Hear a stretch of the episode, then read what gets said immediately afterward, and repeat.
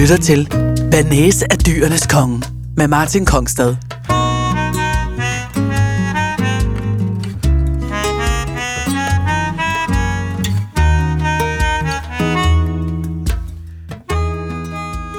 Velkommen til anden del af Året, der gik Banæs.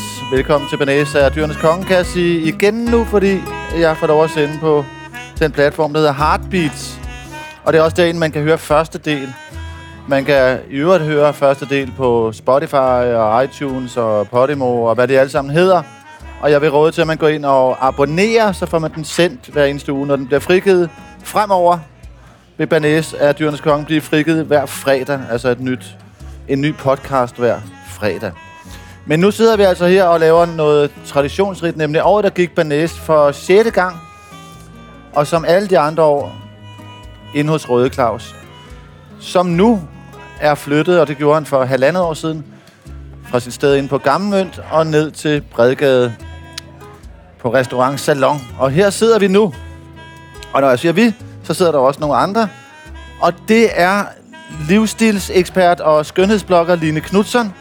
Så er det madanmelder og radiovært Lærke Kløvedal. Og så er det alles yndling verdensklasse Klaas Bang, som denne anden del vil koncentrere sig meget om.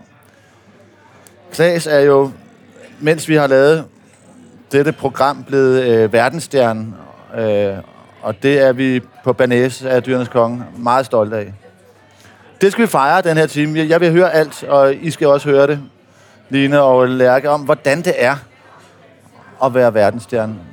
Det kan man jo ikke for, Jamen, er det ikke forestille meget sig. store? Er det ikke Ej, vi- vi, lige de- den langhårede afdeling? Du, du hedder verdensklasse, så ja, det kan men, ikke blive jamen, mindre så den det. kan ikke, jamen, sådan er sådan. Jamen, det er også fint. Jeg tager det sgu på mig. Det er godt. Det er vi, også meget rar fornemmelse. vi er ved er at fint. kåre... Vi, jeg, skråstreg, vi er ved at kåre årets 10 bedste retter i Banæs af Dyrenes Konge. Og her i anden del kommer også Lærke Kløvedal med. Jeg har nemlig bedt hende om at tage også sine fem bedste retter for året, der er gået med. Så vi vil i denne anden del læse op side om side, synkront nærmest. Vi skal så også kåre årets værste ret, som jeg forestiller mig, at vi lægger ind lige inden den bedste, for det ikke er det, det slutter med. Så vi Så vi ender oppe. stort. Altså, vi ender Ja. oppe, ikke? Og ikke, og ikke småligt. Og, Nej, øh, nej. Vi kan knække og, og være ondskabsfulde, og så er vi nødt til at vise lidt storsind bagefter, så går vi den bedste ret. Vi er også ved at høre en, en verdenspremiere på en novelle historie, som Morten Lindberg, der jo desværre døde i dette år, skrev for en cirka 10 år siden og sendte til mig. Øh, og jeg fandt den på min mail her den anden dag. Han havde bedt mig at redigere den, og det gjorde jeg så her 10 år senere. Og den læste Klaas Bang første del op af i første del. Og vil her i anden del læse anden del op. Martin, har du egentlig, havde du egentlig dårlig samvittighed over, at du ikke havde redigeret den før? Nej, sådan var vores forhold. Vi, det, det, det, kunne Det skride skete, sådan, når det skete. det kunne skride lidt ud til alle sider. Og, og hvis vi havde en, øh, en aftale, og en af os ikke kom, så var der aldrig nogen, der blev sure. Så sagde man, men du, du, skulle- nok noget andet. Noget. Der, der, der, der, vi havde meget stor rumlighed over for hinanden. Øhm, vi er også ved at kåre nytårsvinen, altså den vin, som vi her i det samlede panel vil anbefale, at man drikker nytårsaften. Vi har drukket, vi er på den syvende vin nu, og jeg har nu til min overraskelse hørt, at der kommer to røde vine også. Det vil sige, at vi får både øh, hvide, orange og røde vine med i vores smagning. Vi giver karakterer alle sammen, og tager noter i det omfang, vi kan overskue det.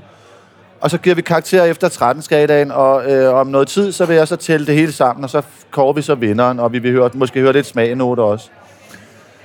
Jeg synes lige nu, at øh, da vi er ved at øh, kåre de bedste retter, jeg synes, Klaas, at vi lægger hårdt fra land, og Ja, så øh, hører ret nummer 5, eller ja. Måske skulle vi, ja, jeg tror, vi lader gæsten øh, Lærke læse Lærke? sidste op, Ja. ja. så vi tager den første. Så jeg synes, nu er vi Banæs af Dyrenes Konge, femte bedste ret. Ja, det vi. Bang læser live op nu, i stedet Nå, for... det at er vi- live, for Ja, helvede. det er det. Så der kan godt blive kludret lidt i det. Jeg har også fået et glas eller to, jo. Det har du. Det må man ikke. Lige præcis syv. Lige på- nu er vi faktisk... Du skal lige tale rent før de 3-4 flasker vin. Det er, det er, første ikke, det, det er ikke de største glas, vi får her. Nå, femeren. Der skal meget til at imponere mig, når vi taler gourmetificeret rødbede. Jeg har spist rødbede-tatar på Arpège i Paris, og så bliver det ikke meget mere udsøgt. Eller gør det. Jordnærs udgave var grillet på 160 grader i 6 timer, kørt med frisk gedeost, formet til en smuk dråbe og drysset med lyslilla rosenstøv. Omkring sig havde dråben en væde af rabarbersaft, som var nedkogt til noget nær karamel, blandet med ditto af nedkogt rødbede og gjort til en af årets bedste veder. Gennemført powerful ret med syrligt, sødt, jord, animalsk og forfinet rose. Jeg har lige gensmagt tataren på Apeche, og hvor utroligt det end lyder, er Vilgårds rødbederet bedre. Vegetarmad i verdensklasse. Rødbede, rabarber og rosenstøv på jordnær i Gentofte. Wow, Wow, det ja, lige godt, præcis, ja. Det var Banæs af Dyrenes Kongens femte bedste ret i år. Lærke Kløvedal, din femte bedste ret i år. Ja. Jeg, øh, jeg synes, det har været et godt år. Ja. Jeg synes, det har været, øh, jeg synes, det har været svært at vælge. Jeg øh, har som, øh, som ret nummer 5 har jeg valgt, øh, altså som årets femte bedste ret, har jeg valgt en, øh, en servering på den restaurant, der hedder 108, som øh, Christian Bagmann øh, styrer med hård hånd. Og jeg har faktisk været, jeg, jeg var faktisk øh, meget i tvivl om, jeg skulle, øh, om jeg skulle sætte ham på to af pladserne, fordi jeg har været der i flere omgange og, og været sådan rigtig blæst væk.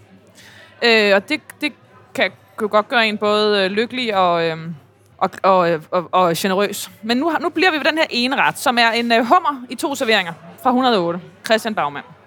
Det er en, en øh, kogt hummerklo med lavendel og frosne hembær. Og så samtidig så får man den her grillede grillet hummerhale, altså som, som ser så potent ud, at den næsten ikke kan være på tallerkenen, med jordbær og krydderurter. Øh, og den er... Øh, det er en servering, som er voldsomt intens og meget mere aromatisk, end jeg øh, har været vant til at spise hummer. Og den havde ligesom, den, jeg havde, der var sådan noget nyfortolket øh, sommer. Øh, det var, ikke, det var ikke hummer i Tesville, det var ligesom... Øh, det, det, det, var, det kom fra et, meget, et, det var mere asiatisk, mere parfumeret. Og så, øh, og så var der selvfølgelig voldsomt meget hav. Og, og så er det, er det bare et utroligt dygtigt håndværk, de kører derude. Og det er så altid- hummer i to servering fra 108 er, øh, er årets femte bedste ret. Og det er altid jo nogle afsindigt flotte retter, han laver. Altså, han er virkelig god til at rette an, ikke? Jo, præcis. Der er simpelthen, og han har ligesom sin egen øh, visuelle... Altså, man begynder at kunne kende hans retter, når man ser dem på Instagram, eller hvor man kigger, fordi han, øh, han har simpelthen sit eget øh, af, visuelle aftryk, og jeg oplever også, at han i den grad har... Øh, har jeg, skal, jeg, skal ikke, jeg tør ikke sige, om han har fået det, men han i hvert fald har det på 108 lige nu. Line, spiser du nogensinde på øh, restauranter, hvor maden Nej. koster øh, 1000 kroner? Nej, Hvornår har du sidst spist øh, en middag på en restaurant, hvor maden koster 1000 kroner? aldrig. Jo, det har du da sammen med Martin på øh, D'Angleterre. Nå, det er rigtigt, men det, det gælder Øh, ikke. nej, det gælder ikke. Jeg tror heller ikke, vi spiste for 1000. Var det ikke en frokost eller Jo, sådan noget? men det, der er meget dyrt derinde. Ja, ja jo, jo. Nå, Ja. ja. Det kan godt være. Jeg var, jamen, så var jeg derinde. Men Det var jeg, deroppe. jeg, jeg går ikke på restaurant. Altså jo, jeg går på promenaden Det, det ligger det er tæt på hvor du bor. Ja, Ja, ja den og den jeg ligger over for Betty, og den Ja. øh, ligger lige mellem mig selv og mit arbejde. Ja. Men jeg Og går... hyggelig, jeg, synes jeg. Ja, ja. Jeg kan huske, sidste år så sagde du, at øh, du havde forfinet øh, vandmelonen med feta. Ja, Ja, du havde spist feta til alle retter. Altså, en Ja. ja. nej, du har lavet spist salater med vandmelon og feta i øh, Ja. ja. så mange afskygninger, og du begyndte at få et forhold til vandmelon. ja, ja, ja. Men jeg, og nu er jeg i... Øh, altså, det er sådan de fire retter, jeg spiser om året. Det har... Øh, det er nogle forskellige salater. Tomatsalat, vandmelonsalat, og så her om vinteren spiser jeg spidskålsalat. Og jeg spiser til aftensmad. Og der er ikke noget at gøre ved det. Jeg er mere interesseret i frokoster. Aftensmad interesserer mig ikke. Nå, er det rigtigt? Ja, jeg kan ikke lide at lave det, og jeg har ingen fantasi. Jeg elsker frokost. Jeg er også altid sulten, meget sulten. Øh, Men er det så rugbrødsmad, eller så det er smørbrød? mad og høj, højt belagt af my thing. Og øh, så en lille, et eller andet lille, øh, altså sådan en marcipan ting til dessert. Og så hjem og have en lur. Men ikke en lille øl, eller hvad? Nej. Ikke en skid. Nej, jeg er ikke interesseret i alkohol på den måde. Du har en glæde ved den klokken Jeg har, 12. ja, nej, ja, nej, nej, slet ikke. Øh, men, men, og derfor er det jo fascinerende for sådan en øh, ikke gourmet menneske som mig at høre jer snakke, fordi jeg kan slet ikke forstå at I kan få så meget ud af det. Nej. Og er du der, hvor du tænker, det er åndssvagt, eller hvor du bare nej, tænker, nej, gud, hvor... nej, nej, øh, øh, nej, jeg tænker bestemt ikke, det er åndssvagt. Det, det, er jo, jeg kan jo, det er jo kvalificeret, det kan jo sagtens høre. Helt ærligt, Line. Nej, jeg synes ikke, det er åndssvagt. Okay, okay. Jeg synes, at jeg kan blive træt af, hvis i visse sammenhæng, hvor der er, altså sådan inden nogle hjem, hvor folk snakker meget om maden, og øh, man er på ferie sammen, og så begynder samtalen allerede sådan om morgenen, og så skal der hentes, og der skal gøres, og, og man kører langt efter noget, og så, altså det, kan, det synes jeg kan være ubehageligt. Øh, fordi du er, ikke, du er ikke med i den klub, du har ikke interessen. Øh, du er ligeglad bare have noget med. Og være midt. Og jeg kan ikke gøre for det, men jeg ser ikke ned på det. Okay. Altså, det er ikke, fordi jeg sidder og skal være håndelig eller Nej, noget. nej. Jeg, jeg, jeg har bare ikke... Jeg har det ikke i mig. Nej. Men det kan man jo ikke gøre for. Nej, Nej, nej. men der er ligesom nogle verdener, man, godt, man jo godt ved, man ikke har... Kan, Ja, du har kan noget- ikke... Øh, Men altså, så, der, og så er der nogen, man er røvs virkelig ligeglad med. Ja. Og så er der andre, som man heller ikke ved noget om, men som man alligevel har en stor interesse for. Ja, ja. For eksempel er jeg meget interesseret i øh, billedkunst, og ved ikke noget om det, men jeg er super interesseret i det, og spidser ører, når folk taler om det, men jeg har ikke noget, selv noget sprog for det. Øh, men det her har jeg... Det tangerer... Tangerer hedder det med D, at jeg er ligeglad. Tenderer måske endda. Tenderer. Altså, jeg er mere interesseret i billedkunst, end jeg er i mad. Ja, okay. Og jeg ved ikke noget om billedkunst. Men må godt lige spørge om noget. Ja. Synes I ikke, det er... Altså, det der med at sidde og spise noget mad, ikke? Ja. Øh, og så begynder sådan noget med rødvin og svede. Og, og så- Tanninhatten, det er den, jeg taler om. Ja, men sådan også bare her, det, som, hvor vi får rigtig dejlig mad, kan jeg jo godt mærke og smage. Men noget, der generer mig helt vildt, det er støjniveauet. Nå. Herinde. Jeg, jamen, jamen, det er jo ikke engang højt herinde. Men, Nej, men, men øh, der skal jo ikke meget til, så skal, begynder man at råbe. Hvis der, nu sidder der ingen ved det bord, men hvis der sidder nogen der, så skulle vi jo råbe. Ja, og ved den er Men det er kombination fordi, der der, er, der er jo seks af de otte mennesker inde i dit teaterstykke, der sidder og vildt gerne vil herfra på grund af støjen. Kunne jeg forestille mig. Eller, det er Altså, altså, fra Nå, dit ja, jeg ja, ja, ja, ja, ja, de vil hjem. ja, de vil hjem, de vil Ja, væk fra det her. øh, og de vil, de vil ikke være i den her situation, fordi at jeg skal råbe. Og jeg skal, vi skal jo hæve stemmen Men det er altså og, også de- super og betale penge, for det der. penge, hvis du betaler for det her, samtidig med, altså i det hele taget med at spise, og så, så skulle råbe. Ej, det her- med jamen, dårlig det er ikke- akustik. men det er det kan, jo. det, det er mit det værste, det er, hvis der er, ikke er taget stilling til akustikken. Mm. Det her, det er jo normalt. Der er jo ikke noget at klage over her. Nej, det er faktisk meget okay Men herinde. jeg kan godt miste appetitten af både at svede og støj. Ja, okay. Men jeg synes jo, vi kan jo have en ret helt okay samtale omkring det Ja, her ja, bord ja, nu. ja. Det kunne være værre, Og, det, så, og så synes jeg, så går det fint, altså. Jeg Men Line, elsker det- det der med at være ude og få noget godt at spise, og, og have... Og have men altså, bare jeg kan godt lide, det bliver langt. Jeg Ja. kan godt lide, der er mange retter. Jeg kan godt lide, Det kan jeg at man skal ja. sidde der i lang tid Ja. og sådan noget. Det synes jeg er fedt. Men det er jo lige præcis det, der er hele ideen med at, at, at, at, at madanmelde. Det er jo at finde de steder, der ikke har alt det der. Ja, Jeg Alt, det- alt det, du nævner, det er jo redselsfuldt. men er der larm på Noma og sådan nogle steder? Det kan man ikke sige. Nej. Altså, det er jo, det er jo som et, øh, hvad skal, nu Bu- siger det det, et, et indre spabad. Ja, altså, nå, det er okay, jo ja, virkelig, det er helt øh, stille. Nej, Ja, der er ikke stille. siger, Nej, fordi det er ikke sådan Nej, der er meget stille. Der er bare behageligt. Ja, Det er ja. faktisk. Der er ikke... Øh, fordi det der, når man sidder der er helt stille, det er jo heller ikke ja. til Ja. at holde ud. Nej. Og man Nej. bliver helt... Oh, gud, Mens de taler her, så går jeg at lige ud hos øh, Røde Claus og spørger, hvordan hans år det er gået, og, øh, og, og høre, hvilken sang han vil øh, høre. Claus, hvordan har dit år været? Mit år har været hektisk, travlt, øh, spændt op, øh, jamen, hårdt, inderligt, men øh, også samtidig ret fedt. Hvad har været øh, forskelligt for dette år fra de andre år?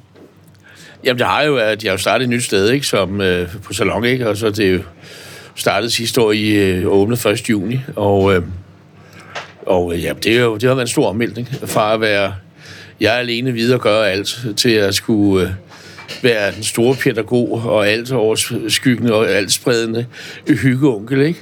Det har jeg sgu haft det svært med.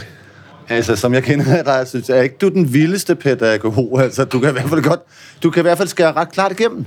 Ja, altså, og det er, jo det, det er jo det, der sker ved at starte sådan et sted som her med, med, øh, med en masse unge, øh, unge mennesker, som er skide søde, men de er historieløse, ikke? Og rent gastronomisk har vi jo en, øh, en meget stor kulturkløft. Og, og hvad skal jeg sige, at det kan klassikerne, eller hvad? Ja, de okay. er sgu ligeglade. Hvad er, det, hvad, er det, hvad er det så for noget med, de helst vil lave? Noget med strandsinder og sådan noget? Ja, ja, og hemmelige urter og alt sådan noget blomstagtige sindelag, ikke? Altså, det ikke lige mig. Der er ikke kommet nogen blomster på dit kort, hva'? Nej, det er der sgu ikke, det kommer der heller ikke. Heller ikke så længe jeg i hvert fald trækker vejret her. Nej, prøv at høre en gang, altså, hvor lang tid tror du, du kan, du kan blive ved med at stå op i, i det her køkken her? Altså, Jamen altså, det, det må fysikken jo, øh, og, og, og ikke mindst psyken jo bestemme. Altså indtil videre går det meget godt. Øh, Jeg er svært overvægtig, men øh, benene klarer det meget godt indtil videre. og du har også kunne holde lidt mere fri, ikke? Nu du ikke selv skal stå for det hele, ligesom du skulle inde på dit gamle sted. Det er så ikke tilfældet, nej. Nå, det er det ikke. Det har været tre gange så hårdt som inde på det gamle. Dels fordi man skulle omstille sig, og dels fordi, at øh, tingene er jo ikke sådan bare, vupti, så gør vi sådan her. Nej. Det, der er, nej, det har sgu været hårdt, og det er stadig hårdt. Altså noget, jeg kunne se, som hvis jeg skulle se det udefra, så ville jeg gætte på, at nu er du jo ikke enerådet længere, og jeg øh, så godt som jeg kender, kan forestille mig, at der nogle gange er lidt svært ved, at du ikke bare har magten fuldstændig. Der er jo også nogle andre, du er nødt til at tage hensyn til, og der er blandt andet nogen, der ejer det. Øh, ja, ja, jeg er jo selv medejer og partner, men, altså, men, men, øh, men øh, der er jo der er jo en kraftig topstyring. Skal vi ikke bare sige det sådan? Øh, så de forsøger sådan, øh, øh, min kære partner at, at pille lidt i mit DNA og knægte min ytringsfrihed, men øh, det, det står jeg sgu ikke til mål for. Så der har vi nogle kampe. Det der tør jeg ikke spørge mere om. øh, Claus, hvis jeg beder dig at tænke på en, øh, på en særlig middag fra det år, der er gået, hvilken en kommer så op? Jamen, øh, den kommer faktisk op. Øh, jeg var på Henne Kirkeby Kro sammen med, øh, med Michael Kvirum og hans hustru Kristin, og Christian Lemmertz og hans hustru mig, og så min kære hustru Karen. Og, øh, og, øh, og Paul havde lavet en fantastisk middag til os og komponeret det. Det er ham, der er kogt over. Ja, det er ham, der er chef derovre, ikke? Og øh, øh, jeg vil sige, samværet med mine øh, gode gamle kammerater var, øh, og veninder øh, var fantastisk, og setup'et var fantastisk, og maden var fantastisk, som nu Paul nu engang kan, kan lave flippet mad, som, som er helt forrygende. Hvilken mad fik I? Og vi fik jo en helvedes masse fisk, øh, og, og det, det, var, det var snorlige, altså, det, det må jeg sige. Meget, meget, meget stor fornøjelse. Og så hyggeligt selskab, ikke? Altså, det, jeg synes jo, at stemningen er, er, er, er, ekstremt vigtig, altså i forhold til at, med de mennesker, du er sammen med. Du har sat, op, sat dig selv op til det, ikke? Altså, det er ikke bare sådan noget, og nu skal vi skulle lige spise noget stjernemad, ikke? Og mm. nu skal vi lige sidde og dissekere det. Nej, nej, der var faktisk ikke nogen af os, der dissekerede en skid overhovedet. Vi sad bare og nød det, og hyggede os, og fik en masse dejlig champagne, og øh, så Paul stå rundt derude med hans dårlige ryg. Så vi bekymrer mig meget, men øh, sådan er det. Men det er jo på en måde også, øh, som jeg forstår det, dig, der lidt har lært øh, de kunstnere der, at øh, noget er med, ikke? Ja, de vil nok mene nej, men, øh, men jeg vil mene ja. Mad og vin, ja. Fordi de er kommet ned hos dig fra, altså, i mange år, ikke? Jo, små øh, 25-30 år, ikke? Ja. ja. Så det, ja. Fra dengang, de ikke rigtig havde råd til at gå ud og spise. De havde ikke øh, en femøre til, til saltet til et rødden æg. De havde ikke en krone. Og det, er så- det, skal vi så ikke bare sige det om, at i dag, i dag er det mig, der ikke har en krone, og det er dem, der er, er ved muffen. Men øh, Gav de middagen? ja, ja, det gjorde de faktisk, ja. Okay. Fred være med det, og det, det, det synes jeg er fantastisk, at der er nogen, der kan få succes, og vi andre, vi kan bare få lov til at løbe rundt som prylede aber, ikke? Det er godt, at de husker det, synes jeg. Ja, meget. Røde Claus, øh, hvilken sang kunne du godt tænke dig, at vi spillede her i år, der gik på næse? Jamen altså, jeg synes, vi skal spille uh, David Bowie Breaking Glass. Enten den, eller også Wild is the Wind. Jamen, vi tager Breaking Glass, den kommer her.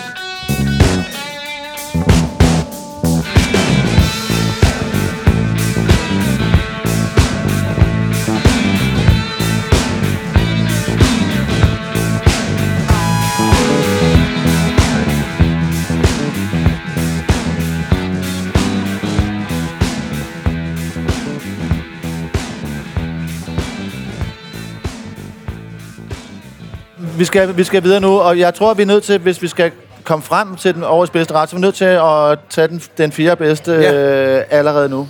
Ja, den kommer her. Nummer 4 på listen over de 10 bedste retter er denne her. Et fad med 10 præcist udstukne cirkler af rå sletvar. Og disse så luksuriøst tykt skårene, at jeg fik lov til at dvæle over det forjættende bid gennem det sticky fiskekød.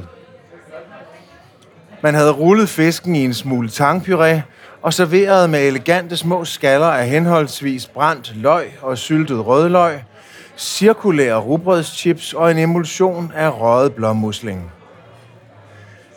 Den røde creme lå og dirigerede som pirlo, og rugbrødschips, som har det med at være en fix idé, gav soleklar mening med tekstur og mark mod fiskens bløde hav.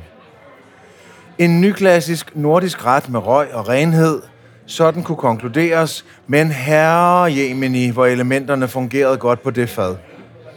Jeg rullede med øjnene og smækkede med tungen. Der lå en af årets bedste retter, og det eneste jeg begræd var, at der snart ikke var mere af den. Pris 135 kroner. Et vanvittigt røverkøb for mad af den kvalitet. Rå sletvar med brændte løg og emulsion af røget blåmusling på fiskebaren. Flot. Og det var et, øh, et comeback for mig at øh, spise derude, øh, fordi jeg, jeg har ikke øh, sådan et sted, man kommer til at glemme lidt, synes jeg. Eller det havde jeg i hvert fald gjort, og så tænker jeg, nu er jeg ude og se, hvordan, eller smage det igen. Og så var det helt fantastisk godt. Jeg kom så også, skal lige sige, en lørdag formiddag, hvor der ikke rigtig var så mange gæster, og det kan jo nogle gange være en stor fordel at booke et bord, hvor der ikke er så mange andre, fordi kokkene jo simpelthen har mere tid til at lave mad og gøre det ordentligt. Det er noget, jeg har fundet ud af. Det er jo egentlig ret logisk. Ikke? Jeg kigger bare på dig og tænker på, at du ruller med øjnene og smækker med tungen. Ja. Og så tænker jeg, det kan, jeg, kan ikke se det for mig. Det er så nok også rigtigt. Det har jeg nok ikke gjort. Der er nok løjet der. Slutte af. Vi skal høre din fire bedste ret i år. Skal vi? Jeg kan simpelthen ikke finde det rigtige ord for retten. Jeg husker det som om, du faktisk fandt et ord, jeg kunne lide. Så det kan være, du skal hjælpe mig. Indtil videre, så hedder den bare en bærsuppe fra Noma. Jeg kan godt høre, når jeg siger bærsuppe, det lyder, det, det lyder ikke som det, det var. Og omvendt, så var det det, det var. Det var en, øh, det, det var en meget, meget smuk servering, øh, som kom i en øh, skål selvfølgelig, øh, med farver. Øh, det var en meget yndig servering, som havde øh, bær på toppen af, af, af væsken, den lå på. Og bærene var, øh, var, fyldt ud, var, var fyldt ud. Man havde sådan en fornemmelse, at det næsten var sådan en konditorarbejde. Og så smagte man suppen, og øh, så må jeg sige, at jeg aldrig har smagt noget lignende, fordi det var både tomatiseret, og samtidig så var det dybt og meget, meget, meget, meget frugtigt. Og så, øh, så spurgte jeg dem øh, derude, hvad, hvad var den lavet af? Og jeg kommer ikke til at læse det hele op, men nu giver jeg bare de 10 første. Vilde japanske kvæder, røde stikkelsbær, tyttebær, hyben, laktofermenterede blommer, perlebyg, solbærtræ, øh, chi, øh, morita chileolie, anis, hisopblade, og sådan bliver det ved øh, med øh, 20 øh, ingredienser til. Og vi talte lidt om det før, det der med, at, at, den, at Noma er, er, er vilde i hele deres øh, laboratorietilgang til at lave mad. Og det lyder sterilt, men det er jo ender jo som det præcis modsatte. Mm. Det er sådan et, øh, det er et smags øh, orgie. Og hvad var der? Øh, syv øh, skefulde i den der suppe. Ja. Og det var en helt ny verden. Så det er øh, årets fjerde bedste ret. Det er bare, jeg synes jo, altså, det der sted, altså, jeg, jeg synes, jeg, jeg, det er jo svært at tage ud og spise der, fordi man har hørt så meget godt, ikke? Så jeg tænker, jeg kan ikke undgå at blive skuffet, men det, det, jeg var ovenudlygtig, da jeg gik derfra. Fordi jeg tænkte, øh, jeg kunne mærke ligesom, al den energi, som de bruger på at, på at øh, fremkalde den her mad, øh, bliver jo ligesom videregivet til en, så man får ligesom sådan en masse øh, gode tanker frem, synes jeg. Øh, og jeg mødte jo også dem, der forskede, gik og forskede og sådan noget, og det var jo alle sammen vildt nørdet og lidens, lidenskabeligt og sådan noget. Det er virkelig et specielt sted, synes jeg. Det, er. det mindede også lidt om en efterskole. Der var sådan en masse rum, hvor der stod folk inde og lavede ting, som de hyggede sig med. Og sådan noget.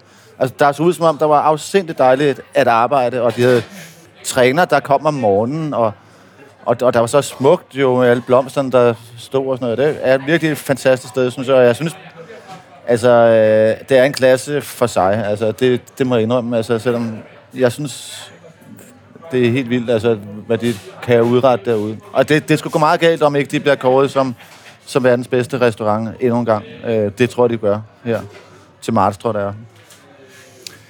Nu skal vi tale om dig, Klaas. Okay. Og det har jeg glædet mig til. Godt så. Jeg var jo øh, i London her i... Ja, hvornår var det? Var det, det var i... Maj, jul, Ja. ja. slutningen af maj. Ja. Ja. Over for at se dig spille Dracula. Ej, det var vel ikke kun derfor, du var der. Du var der også med, med, med sønnen Jeg, igen. jeg, med jeg var der med min, øh, med min, øh, med min søn, ja. Øh, han har aldrig været der. Men det var jo dig, vi tog over for at Og- bo hos. Ja, og det var hyggeligt. Og så var du så sød, så du sørgede for, at vi kunne komme ud og Ja. se filmsættet, hvor Ja. I lavede den anden del af Dracula, ikke? Episode 2, Ja. ja. ja. Øh, og hvor der var opført en fuld skonnert ja. inde Altså, de i, havde et, jo, i, altså- et, øh, i et filmstudie. De havde en mange fuld stu- overvejelser om, omkring, om vi skulle filme på en skonnert, som findes, og som ligger et eller andet sted. Den kunne jo have ligget, hvor, men i en havn af en slags. Og så fordi, at man får mange flere effektive timer filming, hvis man kan styre det. Altså, man er jo udsat for vind og vejr og alt muligt, hvis man er udenfor. Så derfor så valgte de at bygge, altså fra bunden, en fuld skonnert inde i et filmstudie. Altså, jeg vil sige, den her Dracula-produktion har jeg været på de mest sindssyge sæt, jeg nogensinde har været i mit liv. Det er, du var der selv, altså, Ja. ja. jeg, og vi gik, jeg tog dig og Rufus med op på, øh, på båden, og vi gik rundt på den. Altså, Det var vanvittigt.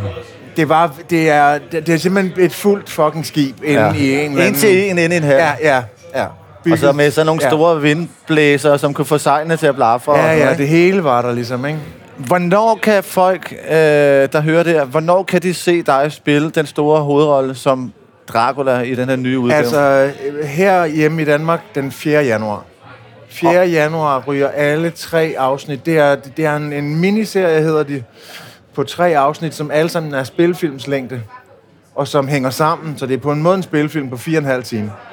Det er øh, de der forfattere, der skrev den serie, der hed Sherlock. Øh, hvad for en Dracula? øh, Hvor, hvad er det for en historie? Ja, men altså, altså den her sige- er sådan ret lojal imod Bram Stokers udgave, som er den, der kommer der 1896-97. Den er de, har de været ret lojale imod. Og så har de også gjort nogle ting, som gør noget helt andet. Men jeg synes, at det her, det er sådan... Virkelig kan du ikke lige sige de ekstra ting der? Det, Nej, det, nej, det- det, det, nej, Der er det, noget af det, der vil være det, man kalder for spoilers. Ja, men, helt, okay, øh, det, det, det gør vi så ikke, men der er nogle ekstra Men det ting. er ikke Dracula en moderne øh, i storbyen i Hongkong? Eller? Nej, altså vi er helt... Vi er i 1896. ja, okay. der, vi er hvor, i de gamle hvor- dage. Ja, ja. Ja. Jamen, det er jeg glad for. Øhm, så det er meget sådan gotisk og, Ja, øh, og horror. Ja. Og, og, vi, og det er den helt klassiske Bram Stoker-historie med, Ja. at den her unge advokat kommer ned til Rumænien, hvor Dracula er.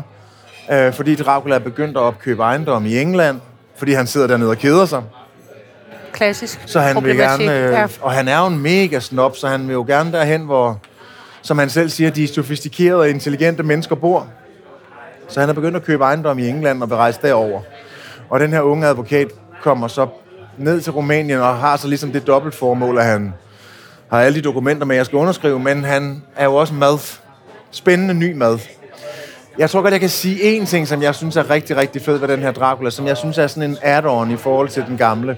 Og det er, at den her Dracula, han får ikke kun folks kalorier. Han spiser ikke kun deres blod for at få noget at spise. Han får også alt, deres, al den information, der er i os alle sammen, Uh, det er ved at spise uh. dem.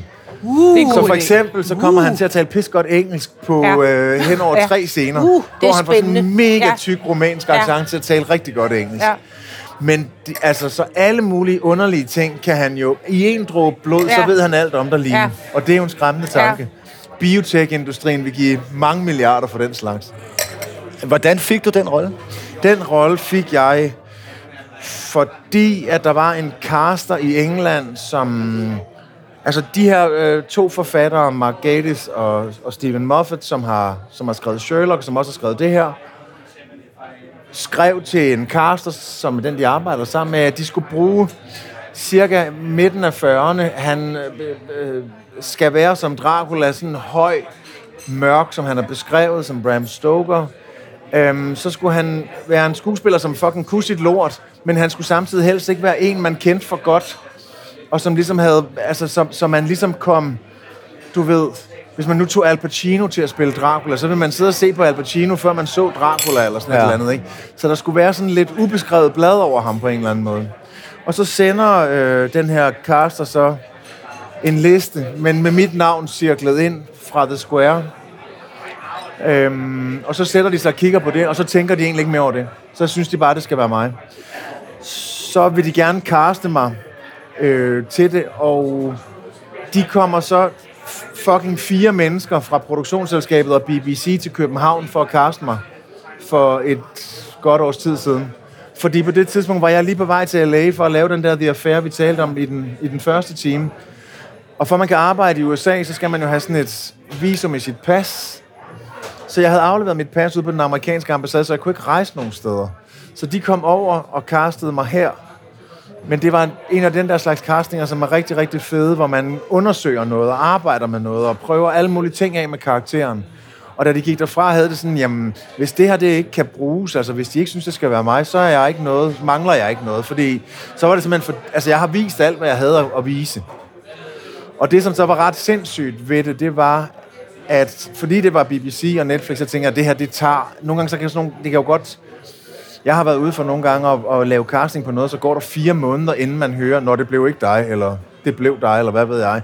Så jeg tænkte, det her, det var så kæmpestort, så der ville sikkert gå et halvt år, eller et eller andet. Det her var en onsdag, den her casting var en onsdag. Om torsdagen ringede min engelske agent til mig og sagde, at jeg var deres eneste indstilling og eneste bud over for BBC og Netflix på, hvem de ville have til rollen. Og om lørdagen, to dage senere, ringede han og sagde, at nu havde BBC og Netflix godkendt mig. Det tog tre dage. Det er jo sådan historisk hurtigt. Ja, det er altså ja. det er sådan helt gak åndssvagt i den omvendte retning, ikke? Øhm, og så gik jeg jo i gang med at forberede det. Mens jeg så var... Så rejste jeg til LA om søndagen og lavede The Affair og, og forberedte Dracula samtidig med. Og jeg var jo så over, jeg der var så med en hel dag, stor del af en dag, sammen med min søn, og se Klaas spille en ret stor scene, hvor der var en øh, 8-10 mand med mm. på skibet. Øh, og det var en scene, som, øh, som varede en, hvad var den, 7-8 minutter, Ja, den er pænt lang, Ja, faktisk. det var en Ja. ret lang Ja, scene, ja. hvor der var nogle mennesker, der stod, det var nærmest en slags kor af, af folk, som stod og råbte øh, forskellige ting, og Klaas, der råbte mod dem, og en, der gik lidt frem, og, og, nogle, Ja. ja. og der, var, der var meget sådan, øh, både skulle de hen på nogle rigtige mærker, og så skulle Ja. ja. de huske at sige de rigtige ting, og du skulle hele tiden, så skulle du holde en tale for dem, så skulle du gå lidt væk, så nogen skulle råbe, og så skulle du holde en ny tale og sige noget mere. Og jeg så sådan ligesom den øh, scene gennemspillet øh, ja, mange gange, fordi man mange jo gange, tog den ja. fra alle mulige, så skød Ja. man et stort billede, og man skød et kryds, og man lavede alt muligt. Og ikke en eneste gang var der nogen, der, der lavede en fejl. Og der var 10 mennesker, der skulle alt muligt i så lang tid. Altså, det var helt uhørt. Altså, det var... Ja, det var super koncentreret arbejde, det der. Og det, det mest bedre var, at du bare styrede det hele, hele vejen igennem. Der sad jeg og, og, og, var virkelig Nå, cool. stolt. Du var næststolt. Ja, det Ja. jeg love dig. Vi, det- vi skal øh, lige skubbe lidt videre, fordi at, øh, jeg ved så, at den, den første anmeldelse er kommet i Ja. ja. The Telegraph. Ja, der kom, ja, vi havde, i sidste uge havde vi sådan en screening på BFI, altså det britiske filminstitut af episode 1, og havde sådan en pressedag og en hel masse alt muligt. Og så ved jeg ikke allerede nu, sådan nogle, faktisk lidt i god tid inden den er ude, er der kommet en anmeldelse i Telegraph, ja. Ja. som jo på en måde er Berlingske Tidene ja. Ja. i England. Ja. Og vi har fået 5 ud af 5 stjerner. Uh, Yes, man. Og jeg har altså Ej, muligvis Claes. fået den bedste anmeldelse, jeg nogensinde har fået i mit liv. ej, er det rigtigt? Og du er Ja. med i stort set alt scene, har du ikke det? Ah, ikke, nej, det er, Det er du ikke. jeg, Altså, du er med meget. Jeg er med, jeg er Altså, rigtig, er rigtig meget med. Du har ja, hovedrollen. Altså, der, jo, jeg har hovedrollen, og det, som jo er sådan, har været ambitionen med den her Dracula fra forfatternes side, det var, at de gerne ville gøre Dracula til hovedpersonen i sin egen historie. For hvis man tænker tilbage på gamle Draculaer, så står, er det tit noget, hvor han er ude i skyggen lidt, og så kommer han faren ind, og så øh, spiser han den ene og den anden, og så fiser han tilbage ud i skyggen. Altså, han, han er sådan lidt mere... Han er der lidt mere af navn end af gavn, kan man sige. Men de har jo, de har jo insisteret på at gøre ham til hovedrollen i sin, i, i sin egen fortælling. Og det, det har jo så resulteret i, at, at vi ser og møder Dracula i 100, mange, mange, mange flere situationer, end vi har gjort før. Og han er, er rigtig meget mere med, end han har været før. Og det var på en måde også ret afgørende for mig, da jeg skulle sige ja til det. Fordi lige først, da de kontaktede mig, havde det sådan, altså, en til Dracula. Helt ærligt, der er nogle vildt gode nogen derude, og er, kan man gøre et eller andet? Men det var overstået, da jeg læste manuskriptet, for jeg synes virkelig, det er sindssygt fedt, det de har skrevet. Og de har præcis været altså, mega tro over for forlægget, men så har de også kommet, altså de har gjort nogle ting med det, som jeg synes udvider universet på den, en perfekt måde. Så det er sådan en, en meget god kombi af det der med at være totalt traditionstro, eller tro mod forlægget, og så kom, altså få de bedste ting ud af det til at udvikle sig nogle andre Så på den måde lidt ala Sherlock. Altså, Ja, er det nogle af de samme greb, præcis. de bruger? Ja, ja. Men, men, men Martin, nu har du jo kendt Klaas i mange år, ikke? Jo, Øh, har han fået storhedsvandvid? det har jeg jo håbet på, at han ville få. Men altså, det er ikke rigtigt. Nej, jeg synes sgu ikke Fordi rigtigt, jeg har mærket noget. tale om ham bag hans ryg. Jamen, jeg, Jamen, det må har, I jo- godt. jeg har jo Ja. håbet, at han sådan slap jordforbindelsen, og Ja. jeg tænkte også, der, det burde der være altså basis for, ja. ikke? Men Det, det kører så alligevel så, så godt, ikke? Men Han måske går måske lidt mere, end jeg, jeg har ikke været mere i min lufthavn, men jeg kunne forestille mig, at han går sådan lidt mere sejrsikker gennem en lufthavn, end han gjorde før. Men det, altså, jeg er men faktisk ved jeg ikke virkelig noget dårlig til at være i lufthavnen. Jeg bliver Nå. altid mega stresset. Og Nå, ja, der det gør du selvfølgelig, ja. Security Det er shit, jeg hader Jeg er det. hele tiden bange for, at der er noget, der gør noget Ja, galt. ja, altså, jeg er ikke, jeg, er, altså, jeg har sgu ikke specielt kæk, Nej. når jeg er i lufthavnen, altså. Nej, det er jeg faktisk okay, ikke. okay. Har du flyangst? Nej, ikke, nej. Ej, du er bare bange for, hader- at du har glemt noget, eller... Ja, jeg eller- er bange for, at jeg har glemt noget eller et eller andet, men jeg hader faktisk at flyve. Altså, jeg kan simpelthen ikke komme i tanke om en mere ueksklusiv måde at transportere sig selv på. Pakket sammen og stuet i bunker som ål, eller... Ja, altså, det er bare... Uværdigt. Synes jeg. Ja, jeg synes, det er er uværdigt, det faktisk. uværdigt at flyve. Nærmest.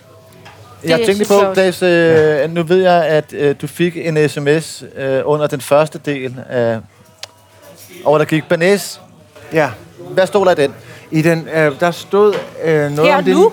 Ja, der Nå. stod noget om det næste projekt, jeg skal lave. Jeg har godt vidst det et stykke tid, men det har bare ikke været offentligt endnu. Men nu tror jeg faktisk gerne, jeg må sige det. Jeg skal lave en film, som hedder The Northman, som skal instrueres af ham, der hedder Robert Eggers, som har lavet The Witch, og en film, som hedder The Lighthouse.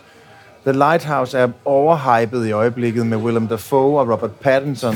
En sort-hvid film, som ligesom er talk of the town, eller hvad fanden skal man sige. Og, øhm, han skal instruere den her film, som er ret tæt baseret på Saxo Grammaticus' Amlet historie. Og Alexander Skarsgård skal spille Amleth, og jeg skal spille øh, den lede konge, der hakker hovedet af hans far og tager hans kone. Og, øhm, og Willem Dafoe skal spille naren, og Nicole Kidman skal spille øh, konen. Og Bill Skarsgård, en af De de andre, andre sønner ja. i dynastiet, øhm, skal spille min søn. Og så ved jeg, at der er et par navne mere, men de er, står ikke i den her mail, jeg har fået. Så dem tør jeg ikke sige. Men det er også virkelig cool folk. Altså, Men, men hvor, hvordan kan noget være så blæret? Altså, det er jo blæret. Ja, det er simpelthen det det, det du- sejeste projekt. Ja. Altså. Det er virkelig, virkelig cool. Det er også nogle, altså si- sikkert nogle, Tænk, at du skal altså, besætte med Nicole Kidman. Ja. Ja. Hvad tænker du så, når du skal spille sammen med sådan et øh, cast af sådan øh, rigtig spændende verdensstjerner, faktisk? Altså ikke bare sådan nogle flødeboller, men Jamen, jeg tænker jo bare, at jeg skal jo... Det er jo altid noget med at starte i arbejdet og bare gøre det. Altså, hvis jeg går derind og tænker, nå, hold op, der står sådan og sådan og sådan. Så, altså, jeg, har jo lavet, jeg lavede jo en film med Mick Jagger for et års tid siden. Og der var jeg jo sådan faktisk forholdsvis be- overbevist om, at jeg ville besvime, når jeg mødte ham. Eller jeg i hvert fald skulle have et eller andet at holde i. Ja. For, altså, men det bliver, altså det er jo vigtigt, så, så i den sammenhæng at fucking fokusere på det, der skal gøres nu, og så få taget arbejdet seriøst og gå i gang med at forberede sig og få det op under neglen og få det til at blive til noget håndfast og konkret og noget, der er til at gå... gå Det hjælper jo Ja. altid på alt. Ja, det er det. Øh, altså ligesom ja. du sagde før, Ja. løsningsagtigt, ikke? Ja. Det der, Men derfor øh, vil man jo gerne... Men du har ikke noget sladder. Ja, hvad det for Noget sladder. Har du ikke noget sladder? Har du ikke noget sladder? Nej, ikke lige om noget af det her, tror jeg. Jeg vil bare gerne vide én ting, og Ja. det er et rygte, jeg har hørt Ja, om men det Nicole kommer jeg Det Kidman. er godt, Line. Ja. Det er godt. Og at, det er, man- at hun, øh, man må ikke kigge hende i øjnene, for det slider på hendes øjne. Hvem? Hvem? Nicole Kidman. Altså, Nå. det er ikke et rygte, jeg kan bekræfte nu, for jeg har ikke mødt hende. Nej. Men jeg vil Næste love år. næste år, når vi sidder Ja, her. ja, det håber jeg. Nå ja, så, Så- så, så, så kan altså- du svare på, så om man må kigge hende i øjnene. Det har svarer jeg jeg på- hørt. Fordi det er, der slider Ålen på ens øjne. Her, jeg ved jo, øh, Peter Olstrup sidder her jo. Ja, hvad hedder han? Altså, det That's synes okay. jeg, altså, hvis det er sandt, det synes jeg fandme er Hvad fanden? irriterende. Nå, jeg, Altså, må man sagde- heller ikke kigge i øjnene, når man spiller med hende? Jeg sagde så forkert. Nej.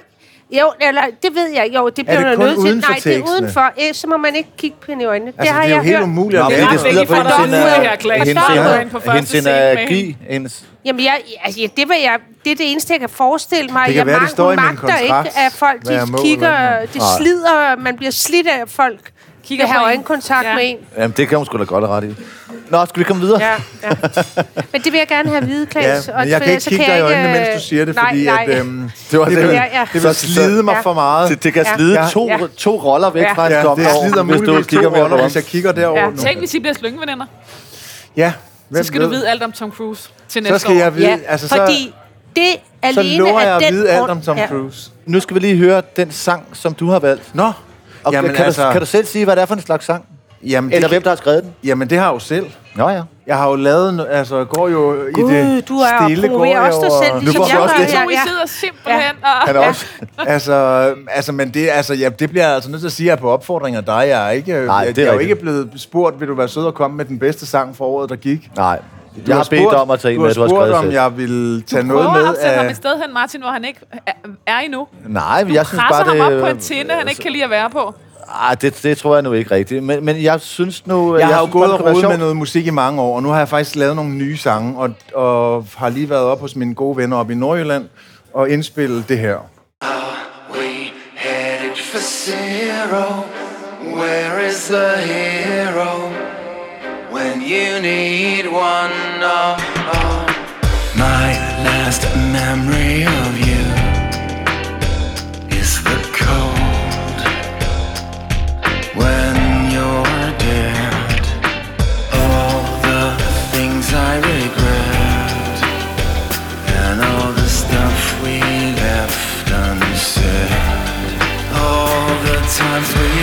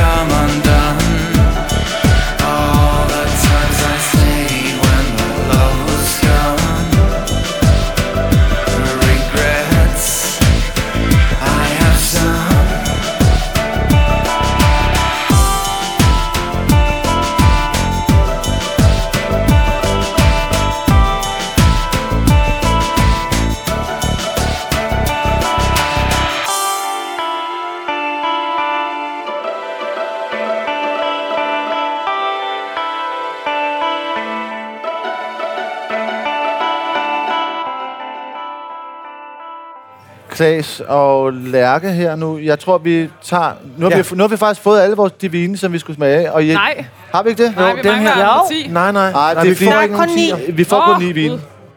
Hvis vi, nu, hvis vi nu giver Andreas, som sidder og laver lyd her for os, jeres karakterer og jeres noter over, så regner vi ud, mens vi hører mere om, hvilke retter, der bliver årets bedste. Vi er nu nået til ret nummer tre. Vi tæller ned mod årets bedste ret og den værste. Ja. Og Klaas Bang, vil du være sød og læse Banæs af Dyrenes Kongens tredje bedste ret fra 2019 op. Tredje skimmelret kunne vinde designpriser. En lille kridhvid tærte med cirkulær forhøjning, omringet af mindre cirkler. Det høje var creamy æggeblomme, dutterne fermenteret perlebyg, bunden var lavet med tang og havde et fabelagtigt knæk, og det hele blev bundet sammen af trøffelpaste med skovbund og kontrolleret finsødme. En af de bedste mundfulde, jeg har fået som banæsminister. Tærte med skimmel og tasmansk trøffel på Noma. Det var den tredje bedste ret, jeg har fået i år. Lærke, det, det kunne godt være, at du havde den ret med også. Men lad os nu se. Jeg er i en helt anden boldgade. Okay. Jeg er på, øh, jeg er på klassisk fransk. En, øh, jeg tror, det er det eneste sted i landet, man kan få det. En canal à presse på øh, d'Angleterre. Kan du ikke lige forklare, hvad På det er? Lækkertro. Det, det er, der Øh, mange, det, er, øh, det er en særlig måde at øh, bearbejde en, øh, en and, som kræver en vogn. Det kræver en, øh, en, en trancheringsvogn og en andepresse. Øh, og jeg kan ikke forestille mig, hvor få mennesker, der, der laver det her stykke udstyr i verden, men det, det, det må være sådan noget, en eller to familier i Frankrig har gjort gennem generationer, og så er det det. Altså en anden presse. Ja, ligesom du presser en, en citrusfrugt, så kan der også findes også en anden pres. Det er simpelthen ikke rigtigt. Altså ligesom en hvidløgspresser. Og så Bare bare, kæmpe så, så bare stor. size det op. Så Og det så er, bare det så er et, du er den hen. du, det er et monstrum. Man, man kommer kørende ind med. I, kan, altså, I kender en ostevogn. Og så tænk, ja. en forfinet ostevogn, og som den her presse, andet presse, der står ovenpå. Ja. Og den putter man en and ned i, og Der så... putter man andet skrovet ned, ned i. Ja. Øh, så det vil sige, den, s- den sauce, du får, du får ud af... Øhm, du, du tager også blodet fra anden. Fra anden og øh, urter, og hvad har vi. Og så ved bordet, så står Andreas Bag, som er kongen på øh, Marshall på D'Angleterre, så står han og først presser den her and, så det kommer ud af sådan en lille bitte, jeg hvad hedder sådan en, øh, Hane. Ja, en lille hane, øh, og som drøber ud. Og så står han ved bordet. Den her vogn kan også øh, øh, har et blus på sig. Så han så står han og laver saucen øh, ved siden af dig. Og det er, jo, det er jo en karikeret situation, det må vi jo sige. Det er jo, det er jo mærkeligt, det er man sidder er det der. en anden krop? Et andet skrov? Et Ja, det er andet, sproget. øh, Kødet ja. er taget af. Ja. Kød, der er taget Det har man det, fået, i, det har man fået en ret. Jamen, ja, nej, for det er jo i sig selv Nå, en, en del af oplevelsen. ikke Øhm, han, altså, det kræver også pondus af et menneske at stå foran dig. Jeg tror, at den her ret tager 10 minutter, to- til 12 minutter, måske et kvarter at lave for, foran dig. Nå, okay, de står der i et stykke tid. Ja, og det er i sig selv, det er jo, det er jo en... Det er jo en hvad er jo- foregår der i den? Jamen, han presser den øh, and, og så står han og laver saucen, og så anretter han øh, retterne til dig. Og øh, man kan sige, det er jo meget sådan, øh, hvad skal jeg sige, bæredygtighedstanke, hvis det endelig skal være. Får man, får, man, øh, får man så også kødet i den servering der? Brystet bliver skåret fra, lige før de begynder at lave selve anden. Og det ryger ud i køkkenet, og så bliver det grillet på en yakitori-grill, og smager selvfølgelig vidunderligt, når det så kommer ind igen. Vingen bliver konfiteret og marineret i blomsovs og paneret. Fødderne bliver lavet til puffede andefødder. Lårene bliver øh, også konfiteret, og så bliver de lagt i små rispapirs pakker. Tungen får man som en lille fingersnack, og så ved siden af, så har man sådan en andivsalat med balsamico. Og det er sådan et... Altså, det kræver så mange guts at stå og lave den ret. Tænk, hvis det ikke holder, så er det virkelig kikset, ikke? Ja, Altså, det er virkelig pinligt. ja, ja. Og så har, men, og det, men det bliver det ikke, når det er på øh, D'Angleterre med Andreas Bag, der laver den. Så det er, sådan et, det er sådan et udstyrstykke, og så det vigtigste af alt, det smager så sindssygt godt. Det er sådan en, det er sådan en ret, man bør unde sig selv Ah, okay. en gang i livet, eller en gang om året, alt efter hvem man er. Ja. Altså, det er en voldsom god ret, og sådan en voldsom, altså virkelig traditionsrig ret, som, som han så har lykkedes med at, øh, at gøre enormt øh, nutidig og sjov og Jeg har et spektakulær. spørgsmål. Hvor mange forskellige dyr findes der en presse til? ja det Altså, godt findes der en grisepresse? Grise. Jeg tror, Eller- det er noget andet. Nej, ja, Eller ved det ikke. det- jeg tænker, det en tror jeg grisepresse, det er vel medisterpuls? Ja, Jeg tror Nå, ikke, der ja, findes en grisepres. Men jeg, det, mit spørgsmål var, hvilken dag, Line, vil du vælge årligt til at gå ind og, og få det presset af? Hun kan også vælge en gang om livet. Skal, oh, ja, okay. Men hvilken dag vil du ind og have presset ind? Er det et tilbud, eller bare et retorisk spørgsmål? Det er ikke et Ja. retorisk, det er et altså, nysgerrigt. Ja, nej, jamen, jeg, kan vil, jeg, jeg, har, jeg mener, har skal ikke ind. lyst til at opleve det. Har du ikke? Nej, Synes du, det er for morbidt? ja. Det er øhm, øh, som om, det er en form for sadomasochistisk kælder. Altså, det er Altså, anden er jo madens- død. A- Det ved jeg er godt, død. men det er, Hedder retten presset an? Kanalerpres. Ja. ja. Ja. det er jo presset an. Det synes jeg er bare... Max presset an. Se nu, der er en fod, der stikker ud af den presse deroppe. ja, det er rigtigt. Der sti- det ligner også noget uhyggeligt. Det er noget sortfodskinke, der ligger der. Ja, ja, an. jeg, jeg synes... Jeg skal, synes, du skal tage imod Martins øh, Jamen, invitation og gå med i jamen, jeg redselskabinettet. vil, jamen, det er et redselskabinet. Det er det. Men vi kan da godt lave en radioudsendelse, hvor vi går ind og spiser presset ind. Hvor, Ja. meget, hvor meget koster den ret? Den lyder dyr. 36.000. 36.000 Ja. plus. Ja. Det Nej, løser. den koster 800 eller sådan noget, ikke? Åh, ja. Men alligevel, Vil jeg gætte på. Det kan ikke være billigt. Det kan ikke være billigt. Og så er den jo Men for det- to, trods alt. Hvad, men, og så, så, det jeg lige skal forstå, så ud af skovet, så moser man nogle små sveddråber, som Ja, man putter ja, ned ja. i Blod, sved og andefedt. blod, sved og andefedt. Ja, Andens sved ja. Ned i Og hvad der, sovs. ellers måtte, altså, hvad der måtte være af væsker tilbage i anden, bliver presset ud. Så kan du selv begynde at tænke, hvad for nogle væsker, der kan være der. De må vel være dem, der kommer Hvad siger ud. du? Ja, ja. Synes du... Øh, Jeg har ikke lyst til at sætte navn på, hvad for nogle væsker, der er i Nej, den. men Altså. sy- har du lyst til at... Ej, at- jeg synes altså også, det lyder lidt... Øh, jeg vil ved med, hvis sige jeg nu nej? bare fik det stillet foran mig Ja, jamen, jeg skulle det, nok spise. Jeg vil da så også gerne opleve det nu. Jeg vidste ikke, det fandtes. Nej. Og nu er det printet ind i mit hoved som en, endnu en ting, jeg skal bære rundt på i mit liv. Det var vores tredje bedste ret. Martial på Dangleterre. Kanalerpres. Presset. Presset øh, an. Presset øh, Max rabat. presset an. Max presset an. Helt Hørte I engang, øh, Klaas Bang? Ja. Det er ikke slut med, med dig. Du skal nu læse anden del af Morten Lindbergs historie om Vi, vi sætter os Hvidovre. tilbage. Jeg synes faktisk, at øh, jeg får lov til at arbejde for min løn i aften. Ja, det gør du. Øh, Biver og Johnny Thomas og Morten er kommet ud til Hvidovre til Johnnys moster, hvor de skal spille. Hun skal have en nål, Ja. hun har holdt op med at drikke. Hun, hun har fået en nål, og den fejrer de. De hun har fået en nål, nu skal der fejres i afholdsklubben. Hun har Øh, ikke drukket tre måneder, og så Hun har har hun ikke fået drukket i nålen. tre måneder, og øh, Johnny, Morten og Biver er blevet opfordret af mosteren til at komme ud og, og spille og synge og fortælle. Ja, og, og, og hun ved bare, at de spiller, og så tænker hun, så bliver det lidt lystigt. Men det, hun ikke ved, det er, at de spiller altså nogle meget, meget komplicerede øh, øh, digte. Eller, ja. det, det er nogle digte, de har lavet, hvor Morten har sat noget... Nogle Og bossa- Johnny havde bossa ikke rigtig fået orienteret sig, så de har faktisk brugt en times penge på ligesom at finde ud af, hvordan de overhovedet skulle komme frem og til rundt i adressen. Men nu er de kommet frem. Nu er de fundet frem, de har fundet Johnnys svogers bil, og så går det videre. Vi rettede på tøjet og ringede på.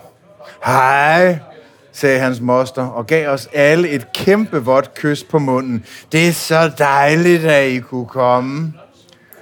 Den tunge alkoholånde, det alt for våde kys, hendes vaklen og sproget. Hun var plakatfuld. Unægteligt dårlig, når vi nu skulle optræde i en afholdsforening på hendes foranledning. Vi nåede ikke en eneste overvejelse, før vi var trukket ind i entréen og mødte hendes lige så fulde veninde, hendes mand og nogle af Johnnys svogre, fædre og kusiner og så noget. Mosterens distinguerede mand var sød og høflig og samlet på våben. Vist nok mest sabler og svær, som hang rundt omkring i stuen. På et tidspunkt spurgte jeg Johnny meget diskret, hvad der skete. Det er hendes veninde, sagde han. Hun har fået kræft, og nu er de begge to røget på flasken igen. Mens faren miste mig rundt og fortalte om en arabisk sabel, som vist nok havde været med i et slag ved Katar i 1600-tallet, så skramlede det ud fra køkkenet. En gryde faldt på gulvet, og så et glas. Klir, klir, blandet med en masse voldsomt skinger og latter. Så skal vi spise, råbte mosteren alt for højt. Maden, som de to veninder havde tilberedt, blev båret ind. Hamburgryg med kartofler, sovs og ærter. For ludfattige boemer fra Indre By var det et kosteligt måltid, og vi tog for os. Der var sindssygt mange kartofler i forhold til antallet af spisende. Seks store skåle, eller sådan. Der var Til hver. det er simpelthen virkelig svært at læse det her, ja. Haft, det er med sjovt. Um, seks store skåle eller sådan. Der var til gengæld kun en lille bitte skål med grønne ærter, hvorfra alle meget taktfuldt og uden yderligere kommentarer tog én teskefuld. Hamburgryggen, Hamburgryggen var så salt, at man efter første bid instinktivt spurgte efter noget at drikke. Uh, vi har noget vand eller noget alkoholfri vin, sagde manden og smilede. Mosteren og veninden spiste ikke med. De drak solbærrom ude i køkkenet og skiftevis græd og grinte, som det er så populært hos alkoholmisbrugere. Det var selvfølgelig bare hos en middag hos en familie, hvor der var en, der havde det skidt og drak. Det spændte i situationen var sådan set ikke dette faktum, men mere at alle lød som ingenting. Der var ikke en eneste, der sagde, hey, det er lidt akavet det her, eller det er lidt underligt, at I er kommet for at spille nede i lænken, når nu Moster hun er så fuld. Alle holdt masken. Der var ingen form for foragt eller hvor her bevares følelse i luften. Nok mere en lille forsigtig, hmm, hvordan pokker skal det her måske ende fornemmelse. Johnny var selvfølgelig bekymret. Ah, det er noget lort, sagde han igen og igen. Johnny har altid haft svært ved at stoppe. Også hvad angår bekymring. Paul, Linkens lokale leder, en stor mand med skæg i hvid skjorte, viste os lidt brysk ned i en kælder, hvor vi kunne klæde om, som han udtrykte det.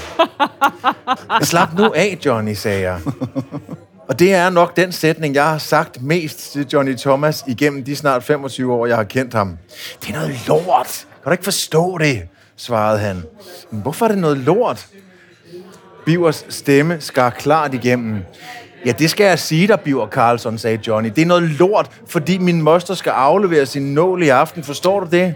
Forstår du det, var Biver Carlson? Så, så, så, Johnny. Tal pænt, sagde jeg. Sin nål. Ja, de får en nål, når de har været alkoholfri i tre måneder, og nu er hun faldet i, og så skal hun aflevere den igen. Johnny følte med sin moster, og det var okay. Men Johnny kan også gå i en slags selvsving, som, især hvis man skal optræde, skal stoppes i opløbet. Nu tager du din skjorte på og din butterfly, og så finder du bogen frem, og så drikker vi en kop te, og så går, så går vi op, og så giver vi dem Johannes Jørgensen lige i smasken, sagde jeg. Johnny tog sin trøje af og stod i netundertrøje. Han ledte efter noget i sin taske. Ej, nej, nej, nej, det er en lorteaften, sagde Johnny. Rolig nu, Johnny, sagde Biver. Men jeg fornemmede, at der var noget mere. Hvad er der, Johnny? sagde jeg. Bogen! Jeg har glemt bogen inde på pensionatet. Frøken Jørgensens pensionat i godt og skade. Øh, hvad kan du, Johnny? spurgte Biver og vendte sig om. For fanden, Johnny, supplerede jeg. Lænkens kælder var nu kun fuld af dårlig stemning. Det mærkede Johnnys følsomme fætter, da han kom ind. Jeg forklarede ham situationen, og han tilbød at køre Johnny ind og hente bogen, og de tog afsted. Ja, så er vi klar, sagde Paul med skægget. Biver og jeg så ikke andre muligheder end at gå i gang. Det var selvfølgelig et andet setup end det, vi havde øvet. Og det, vi havde øvet, faldt til jorden. Men situationen skulle reddes. Mosteren kunne ikke både aflevere sin nål og ikke levere den underholdning, som hun havde kæmpet for at trumfe igennem. Afholdsfolkene sad i en rundkreds oppe i læsestuen i Rødstensvillagen, som udgjorde lænkens lokaler. De havde gjort lidt plads for enden af lokalet, og her skulle vi så være. Biver introducerede, så folk han kunne, og vi spillede så den næste time omkring 20 sange for den måske ikke måbende, men i hvert fald bevidsthedsmæssigt fraværende skare. De havde drukket i overvis til John Mogensen og Shubidua, væltede sig om kul til Kim Larsen og prøvede at præge en vogn hjem, mens de nynnede med på en med Smokey.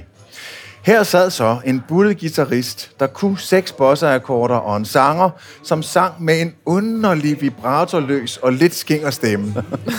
Sproget var gammeldags og handlede om hospitalsophold i Sverige, vandringer i bjergene omkring Assisi og om en søgen efter noget åndeligt midt i en naturalistisk tid. Vi var ingen succes, men kom igennem med en eller anden form for ære i behold. I sidste nummer væltede Johnny forpustet og store svedende ind ad døren. Han begyndte i sit overtøj at læse op, mens Biver rettede ham højlydt. Så er der kaffe, sagde Paul lettet. Endelig, responderede flere af de tilhørende. Vi var i kælderen og pakkede ned. Jamen, det gik da meget godt, sagde Johnny. Vi skal ikke snakke referencer, sagde Biver, så tørt, at støvet stod ud af hans mund. Da vi sad bænket ved kaffebordet i den store stue ovenpå, skete følgende.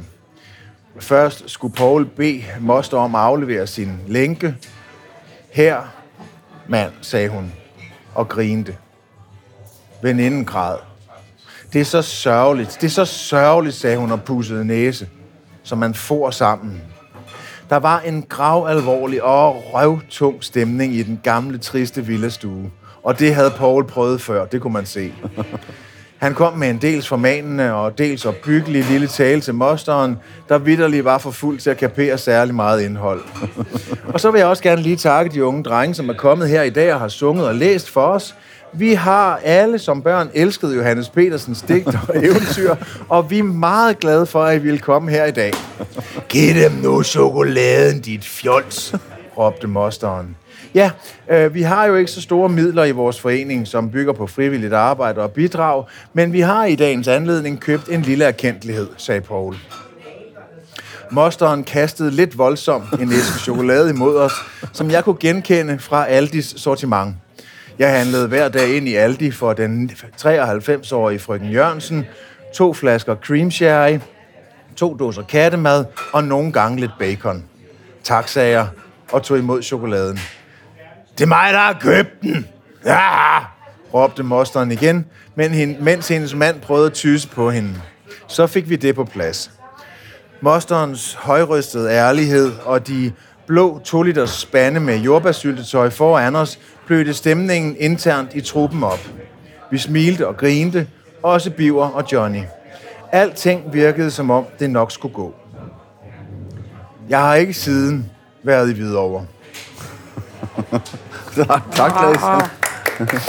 Kæft, jeg synes, det er sjovt. Vi hørte Klaas Bang læse Morten Lindbergs fantastiske historie fra bogen, der aldrig kom ud, som skulle have heddet, og måske stadigvæk kan nå at komme til at hedde 46 rejser til ingen verdens ende. Til ingen verdens steder, ja. Nå, en Så komme. titel. Og, og, og den her var altså rejsen til Hvidovre sammen med, med Johnny Thomas og Bjørn Carlson. Vi tager lige ret nummer to. Vi- Du kan lige så godt arbejde videre, Klaas. Okay, for lad, os- lad os tage den helvede. anden bedste ret i år. Der er nok at se til her, synes jeg. Fremad lød trompetens skrald noget sløst videre. Et, to, og så et venstre hug til kæbetøjet. En elegant cylinder med Vesterhavspik var i trøffelkåbe. Man havde syltet vintertrøffel i trøffelvand, trøfler i trykkoger med lidt eddike, svøbt svampeskiverne i, en, i et ensartet lag om den saftige fladfisk og lavet en beurre blanc på trøffelvandet, og det var akkurat så ubegribeligt velsmagende, som det lyder. Pikvar med vintertrøffel på jordnær i Gentofte. Og det var så den anden ret fra jordnær Wow, i ja, Gentofte. sige. som øh, efter min mening, altså det var- det var den, den største positive overraskelse, jeg havde, jeg havde i år. Det er et fantastisk sted, synes jeg. Altså virkelig godt. Jeg tror, at, det, at han bør få sin anden Michelin-stjerne, men det har jeg jo sagt op så mange steder. Men det, det bør han virkelig. Jeg var der for i år, og, øhm, så, og har ikke, desværre ikke været der i år, men, har, og, men allerede for i år var det virkelig, øh, havde sit eget sprog, og man kunne godt mærke, at det var et sted, der kun ville en vej, og det var frem. Ja, det er meget, meget ambitiøst øh, køkken, ikke? Og de arbejder benhårdt, det ægteparret derude. Lærke Sløvdal, skal vi høre din næstbedste ret i år? Ja. Lige så lang som nummer tre var, lige så kort er den her. Du har sagt det. Færøske søpindsvin fra Poeluca. Med grillet brød fra Hart Bageriet. Du har den samme, den her, den? Ja, det er simpelthen Ja. den, jeg har som nummer to. Nå, det er rigtigt. Øh, og den er jo øh, øh, fuldstændig ren. Det er jo en fuldstændig ren servering. Du tager en... Øh, eller det, det lyder jo selvfølgelig mere rent, end det er, fordi du tager jo ikke bare et, et øh, søpindsvin op af havet. Du, du tager jo i hvert fald, du tager den i hvert fald omkring Færøerne først. Øhm, men det er, jo, det, er jo, øhm, det er jo sådan en af to store tendenser i år, der er også flere, men øh, som enten handler om det her øh, gammeldags øh, franske køkken, som i den grad øh, har sat et mærke i år, og så er det det fuldstændig modsatte, som bare er de, er de helt rene serveringer, hvor jeg synes, at Luca repræsenterer den. Og som vi jo talte om tidligere, så det, den her type søpindsvin er bare øh, usammenlignelig for mig med, i forhold til andre søpindsvin. Det er, de har sin egen sødme og ja, potenthed og øh, øh, vitalitet, øh, og, øh, og smager bare røv godt. Og så med det her øh, grillede brød, øh, til, som, øh, som øh, lige i grilloverfladen øh, rammer søpindsvinet. Mm. Helt rent. Det kunne jeg spise hver evig eneste dag. Kunne du det? Ja, det kunne jeg virkelig. Nå, hvor sindssygt. Det ved jeg ikke, om jeg kunne. Det, det er alligevel for signifikant, så det tror jeg. Det, jeg er måske Som en sådan gang, en, øh, som sådan gang en hver klokken 14. dag. 11-snack. Jo, noget jeg godt kunne tænke mig at spørge sådan lige her, fordi vi skal snart være færdige, tror jeg. Ja. Det var, øh, nu har vi lige fået øh, vedtaget en klimalov herinde, som der har været ret stor enighed, overraskende stor enighed om. Og mange siger, de der er skeptiske siger, at det nytter ikke noget, at vi som et lille land, der kun fylder er det 0,1 procent af CO2-udledningen i verden, 0,1.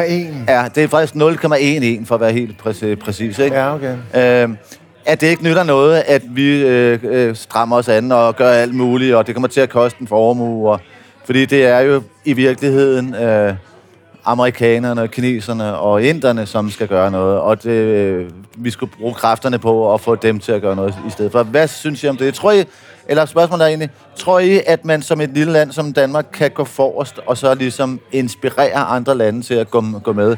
Eller tror I ligesom de, der er skeptiske, og det er en del, jeg kender, at det er sgu ligegyldigt, hvad Danmark gør. Altså næsten lige, ligegyldigt. Det er selvfølgelig meget fint, men det nytter ikke noget af det store billede. Jeg vil citere Michael Jackson. Always start with the man in the mirror. Altså, der er jo ikke, altså, hvad kan man, man kan jo ikke, jeg kan jo, hvordan skulle vi komme rendende over til nogen andre og sige, kan I så, hvis vi ikke gør det selv? Altså, og det kan sgu da godt være, at det kommer til at have ingen prut skid stor effekt på noget, men, men vi har jo ikke begyndt at, at plage andre om at opføre sig på en eller anden måde, hvis, hvis vi ikke gør det selv. Ja, altså, kan vi, altså, 100 er det- er procent bare enig. Ja, ja, og jeg mener, altså den, den samtale om, som man tit kan rende ind i ved diverse selskaber, øh, og øh, at det er ligegyldigt. Det kan godt være, at det er ligegyldigt, øh, og det er for sent og alt muligt, men man skal jo kunne leve med sig selv. Altså, det er jo ligesom at sige, det var også ligegyldigt, hvis man øh, forbød slaver, altså sagde, det er ligegyldigt, at vi forbyder slaveriet i Danmark, øh, fordi så længe der er slaver på den måde, som der var nu, jeg vil lige nogle hundrede år tilbage i USA. Mm. Altså, du skal jo, altså, så er det jo ligegyldigt, fordi der er mange flere slaver i øh, USA end i Danmark, og vi har, har fire slaver i Danmark. Så det skal vi ikke forbyde. Det kan ikke betale sig. Men det er jo noget etisk inde i dig selv. Altså, øh, jeg, jeg ved godt... Altså, nej, jeg synes selvfølgelig skal vi gå foran. Mm. Og, også selvom det øh, ender med at være meningsløst. Men det skal vi. Hvad siger du, Lær? Ja, selvfølgelig fuldstændig enig. Jeg, jeg, synes ikke, øh, størrelse på den måde har en, øh, er en begrundelse for noget som helst. Selvfølgelig skal vi det. Øh, og, og om ikke andet, fordi vi har, dem, der har de bredeste skuldre, skal, skal løfte mest, så, så selvfølgelig skal vi være forgangsland. Jeg sad og tænkte over det i, i går, ikke? og jeg har tit sådan kommet lidt til kort, når, når, når jeg gik ind i den her snak, ikke? fordi jeg blev trumlet ned af, af nogen, der var klogere end jeg. Men, uh, så sad jeg og tænkte over det i går, det med, kan Danmark gøre en fors, forskel? Og nu sidder vi i et madprogram, ikke? Så har jeg kun et ord. Noma. Hvis man tvivler på, at man som et lille land kan udrette noget, som kan fylde noget på, på den verdensbasis, ja. så kan man det bare nævne Ja. nogle af dem, Ja. fordi du kan gå rundt til alle verdens største køkkener, Ja. Har Nomas kogebog stående, ja. hvis ikke flere af dem. Ja. Og øh, stort set over hele verden, eller over hele verden, har man, har man, øh, har man lavet sin måde at lave mad på om, efter at Noma kom til. Det vil sige, at en lille restaurant fra Danmark, som da den åbnede, øh, var et ubetydeligt madland, har nu præget hele mm. verdens måde at lave mad på. Så selvfølgelig kan vi da også præge hele verdens måde at tænke klima på, hvis vi vil. Og det er åbenbart det, vi gerne vil. At, hvad- sådan ser det ud. Altså, Jeg tror også, der er enormt mange niveauer, hvor det er enormt sundt at være nogle af dem, der gør noget. Altså, det gik op for mig forleden, at der er, der er nu en, en stigende gruppe klimapsykologer. Altså folk, altså der, øh, psykologer, der har et speciale i klimaangst, som folk øh, konsulterer, øh, fordi de ikke øh, ved, hvor de skal gå øh, hen med al den her bekymring Det var meget omkring, nemmere dengang, der bare var med Sovjetunionen. Det kan, det kan ja. man godt. Man kan godt savne dit Jamen, øh, at være bange for, for det der med atomkrig, ikke? Det var bare længe. nemmere. Ja, men vores unger, Efter- men vores unger det er jo den nye, det er jo det nye Sovjet. Det Ja. er, øh, Ja. det er klimakrisen. Øh, jeg var og bange der er for det da Sovjet, rart, det Ja, jeg var også land, bange, der gør noget. men, men, men jeg vil hellere Ja. ja. være bange for Sovjet end, end for Det vil jeg faktisk klimaforandringer. også. Der skete jo aldrig rigtig noget. Nej. Men det ved du først nu. Det vidste du ikke Nej, dengang. nej, det vidste man ikke dengang. Vi, vi, vi, vi, vi er nødt til at komme op Ja. nu, kan, Ja. kan Det var mærke. meget lidt, Ja. men også øh, godt, at vi Ja. ikke skal tale mere om det emne. Ja, ja, Ja. det er også... øh, Vi er nu i den situation, så vores stemmer er blevet talt op, og vi kan kåre den vin, som vi i samlet flok vil anbefale folk at købe til nytårsaften, hvis de altså foretrækker vin, som er usvoglet. Ja, så ligger så i, at det ikke skal være den vin, som der er svovl i, for der var jo også en joker blandt. Det kunne måske Ja. være, at vi skulle prøve at gætte på alle sammen, hvem den joker var, før vi afslører, hvem vinderen er. Var der nogen af jer, der kunne regne ud, hvorhen jokeren lå? Jeg tror, det var femeren. Hvad siger du, Lærke? Det tror jeg bestemt også. Jeg tror, det er en risling. Okay, øh, det her kan jeg ikke udtale mig om. Altså, der er... Jo, for det er den, du... Se her. Det er en frækkert. Det er en frækkert femmeren. Ja, Og se, hvad du har givet den. jeg er 13. Femmeren, fik den det? Ja. Femmeren er den, øh, den eneste konventionelle vin, der er med lige nu. Nå, det kunne jeg rigtig godt lide. Ja. Det var din yndlings. Ja. Og den er, det er en Coppola Chardonnay. Er det rigtig en Chardonnay? Ja, øh, det er en amerikansk kæft, er den Chardonnay. så Noget af det mest øh, udskældte i disse tider. Men den er altså, det var jo sådan en pleaser, ikke? Og så går vi frem til vinderen her. Og den sidder jeg med i hånden nu. Vi vidste jo ikke, hvad det var for en vin. Og det er en vin fra Côte du Syrah. Le Pied du Surterre hedder den. Og er lavet på Chardonnay. Og kan købes hos Kronevin for omkring 250 kroner. Altså en vin fra Syrah, som jo er det mest moderne vinområde. Det var det i hvert fald. Øh, I det år, der er gået. ja. Jeg har i er hvert fald stadigvæk- læst ordet Syrah Det forekommer mange, mange gange. gange. Ja, ja. Kronevin skal man altså gå til, hvis man vil have den vin, som vi har kåret her som årets bedste. Og nu skal vi lige i gang med at kåre de værste retter. Vi tager de værste, inden vi tager den bedste. Ja, det synes jeg. Okay. Så lad os få den... Øh, lad os Vil du få først, i eller skal jeg? Banæs af dyrenes kongens øh, Vi værste ret først. øh, okay. Kommer her. Første ret hed Croustillant med jomfruhummer, friskost og fennikelkrydité i vinaigrette. Og man havde glemt at nævne den frisé-salat, som udgjorde majoriteten på min tallerken. Fennikelkrydité lyder fornemt, og er reelt rå fennikel skåret tyndt. Og det kan være en glimrende ledsager til fisk, hvis, og det er alt afgørende, hvis man forsyner den med en dejlig dressing af eksempelvis god olie, citronsaft og tydelig peber. Kryditéen på den hvide dame var en fake krydité. Der var ganske vist to skiver fennikel, men under disse havde man fyldt op med en større samling stikkende frisé-salat. Det var fennikelkrydité af navn og ikke af gavn. Og jeg fatter simpelthen ikke den dogenskab, som lå til grund for manøvren. Men den var i det mindste gennemført, for man orkede heller ikke at vende det grønne i en dressing. Hovedemnet var en jomfruhummer, og den gemte sig i en fars, som man havde rullet i filodej. Den lille rulle smagte af stegeolie, og man kunne have bildt mig ind, at farsen var lavet på hvad som helst, for den markerede sig ikke som andet end tekstur. Shownummeret var en hummerolie, som lå og gemte sig i hjørnet af tallerkenen, og den smagte mere af olie, nu blot en anelse brændt. Friskosten havde ingenting at sige. Frisésalat uden dressing, brændt olie og ubestemmelig fars. Det var en af retterne i en treretters menu til 465 kroner. Det kunne vel kun gå fremad. Man har vildt gående i folk på slottet, og det måtte jeg smage og valgte derfor duet af vildt fra dyreparken og fik en ganske rustik servering på bordet. Lad os begynde med det gode. To mindre stykker rådyr af henholdsvis kølle og mørbræd, det mener jeg det var, var udmærket stegt og smagte af sig selv. Der var 70 gram. Garnituren var omfattende og grusomt omsorgsvægtet. To store kuber pommes fondant var fedtede og havde den karakteristiske smag af flyttekasser fra kælderen, som kartoffel udvikler, når den genopvarmes. Skiver af rødselleri var så udmattet af for lang tilberedning, at de brast under gaflen. En sellericreme smagte af nothing. Store skiver af rå æble lå og rodede rundt i managen. Vildsåsen var vinende sød. Kroket med fyld af vildriette var eneste passable garnityr på den tallerken, og det var ikke fordi den var god. Lovligt tør, dejen for massiv. Et gennemgående problem var, at maden ikke smagte af noget. Hvad lavede de ved klappen? Det var undersaltet, ingen peber at skue. Elendig forret, gyselig hovedret. Jomfruhummer og vildt på den hvide dame på Henskavl Slot. Ja, det var så gennemført, så jeg valgte at, at, at, tage, at tage to retter med. Øh, Det, ja, fordi det var så men det er jo tit sådan, det er. Jeg vil også sige, øh, den øh, årets værste ret hos, hos mig var ikke kun en ret, det var en hel restaurantoplevelse. Okay. Øh, men jeg vil sige, jeg har, jeg har valgt at tage den værste del med. Det var en anmeldelse, jeg var ude på, som jeg gav øh, karakteren et, et hjerte, og øh, dem er der heldigvis meget, meget langt imellem. Det er et sted, der slår sig op på Østerbro, øh, der slår sig op på Skaldyrstårn, Mm. og øh, intet er jo mere vidunderligt end en skaldyrstårn, skaldyrstårn, når det er friskt, og, øh, og når der står øh, vakse kokke bag. Men den her, den lyder sådan her.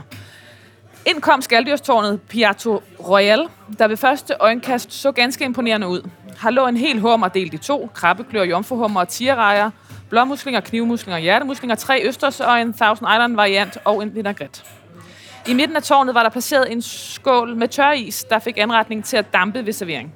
Til gengæld lå ingen af fødevarene på is, og skaldyrene var lunkne og underligt slatne.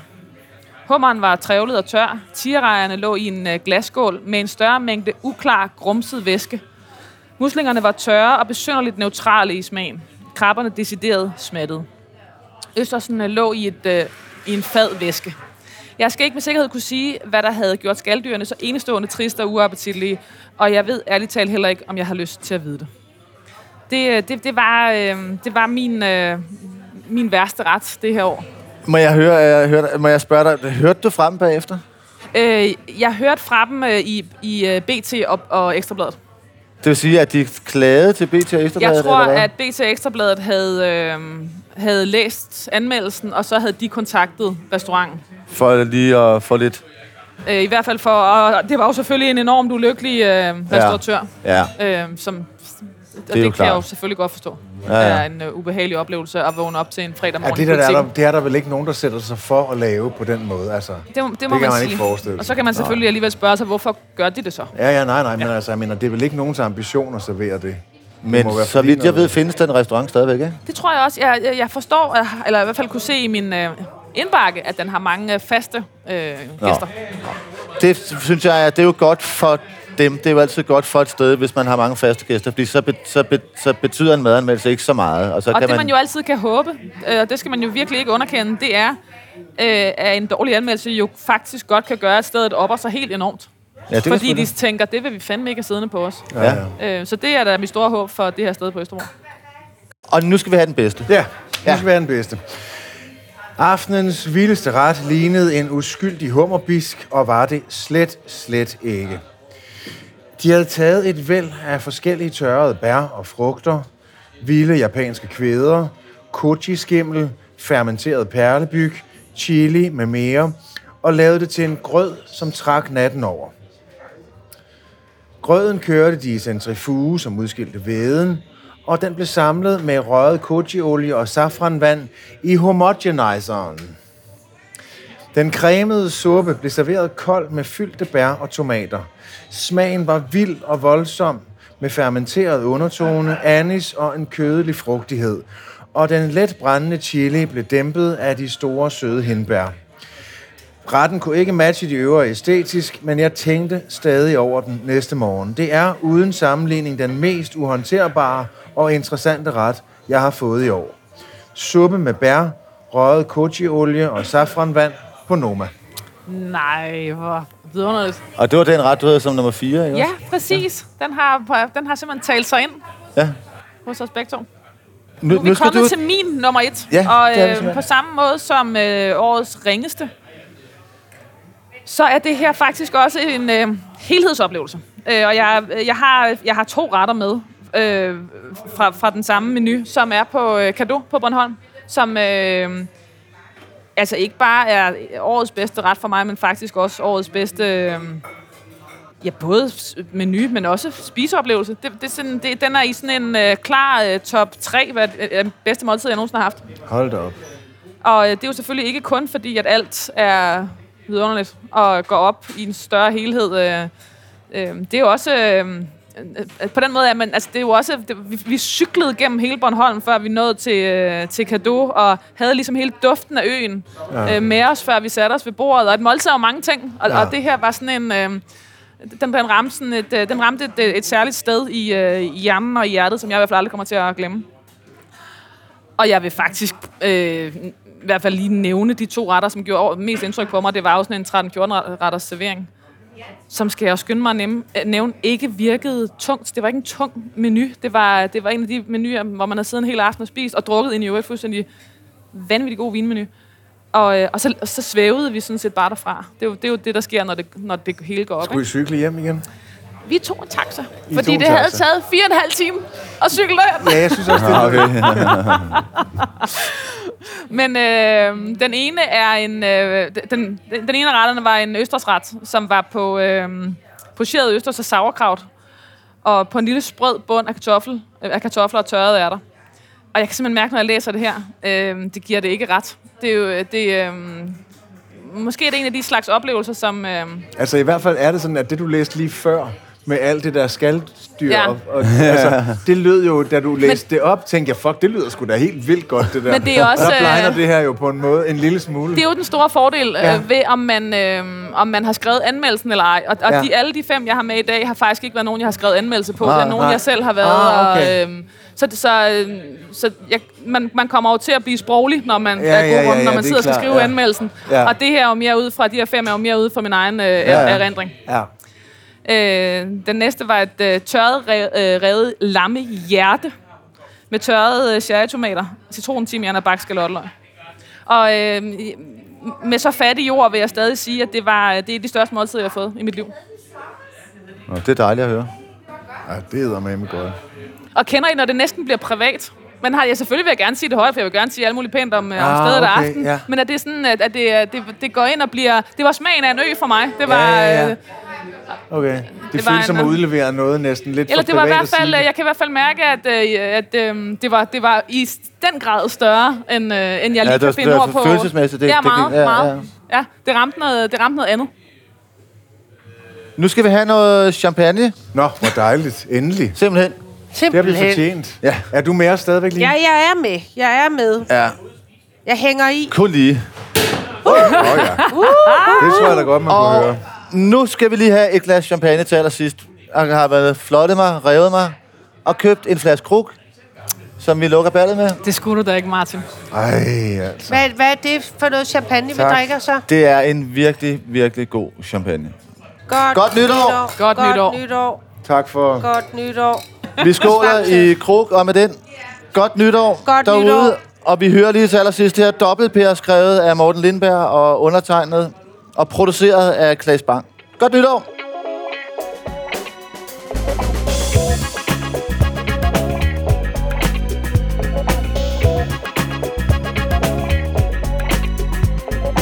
Dop, dop, dop, dop, dobbeltbær Du er ikke noget menneske mere Dop, dop, dop, dop, dobbeltbær Men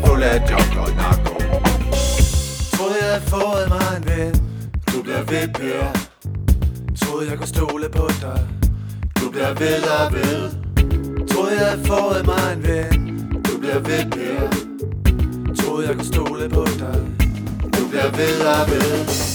Nu kan jeg se, du er en surfer, Per den du surfer på er mig.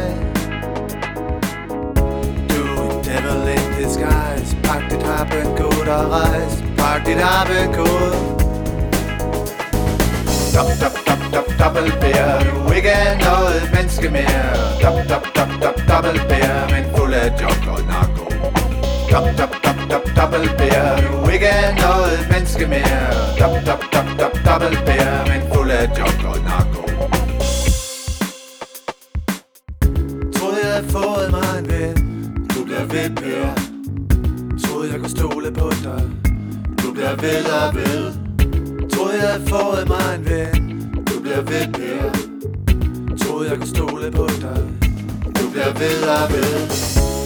jeg se, du er en surfer her Den du surfer på er mig. Du er en devil in disguise Pak dit harpenkode og rejs. Pak dit harpenkode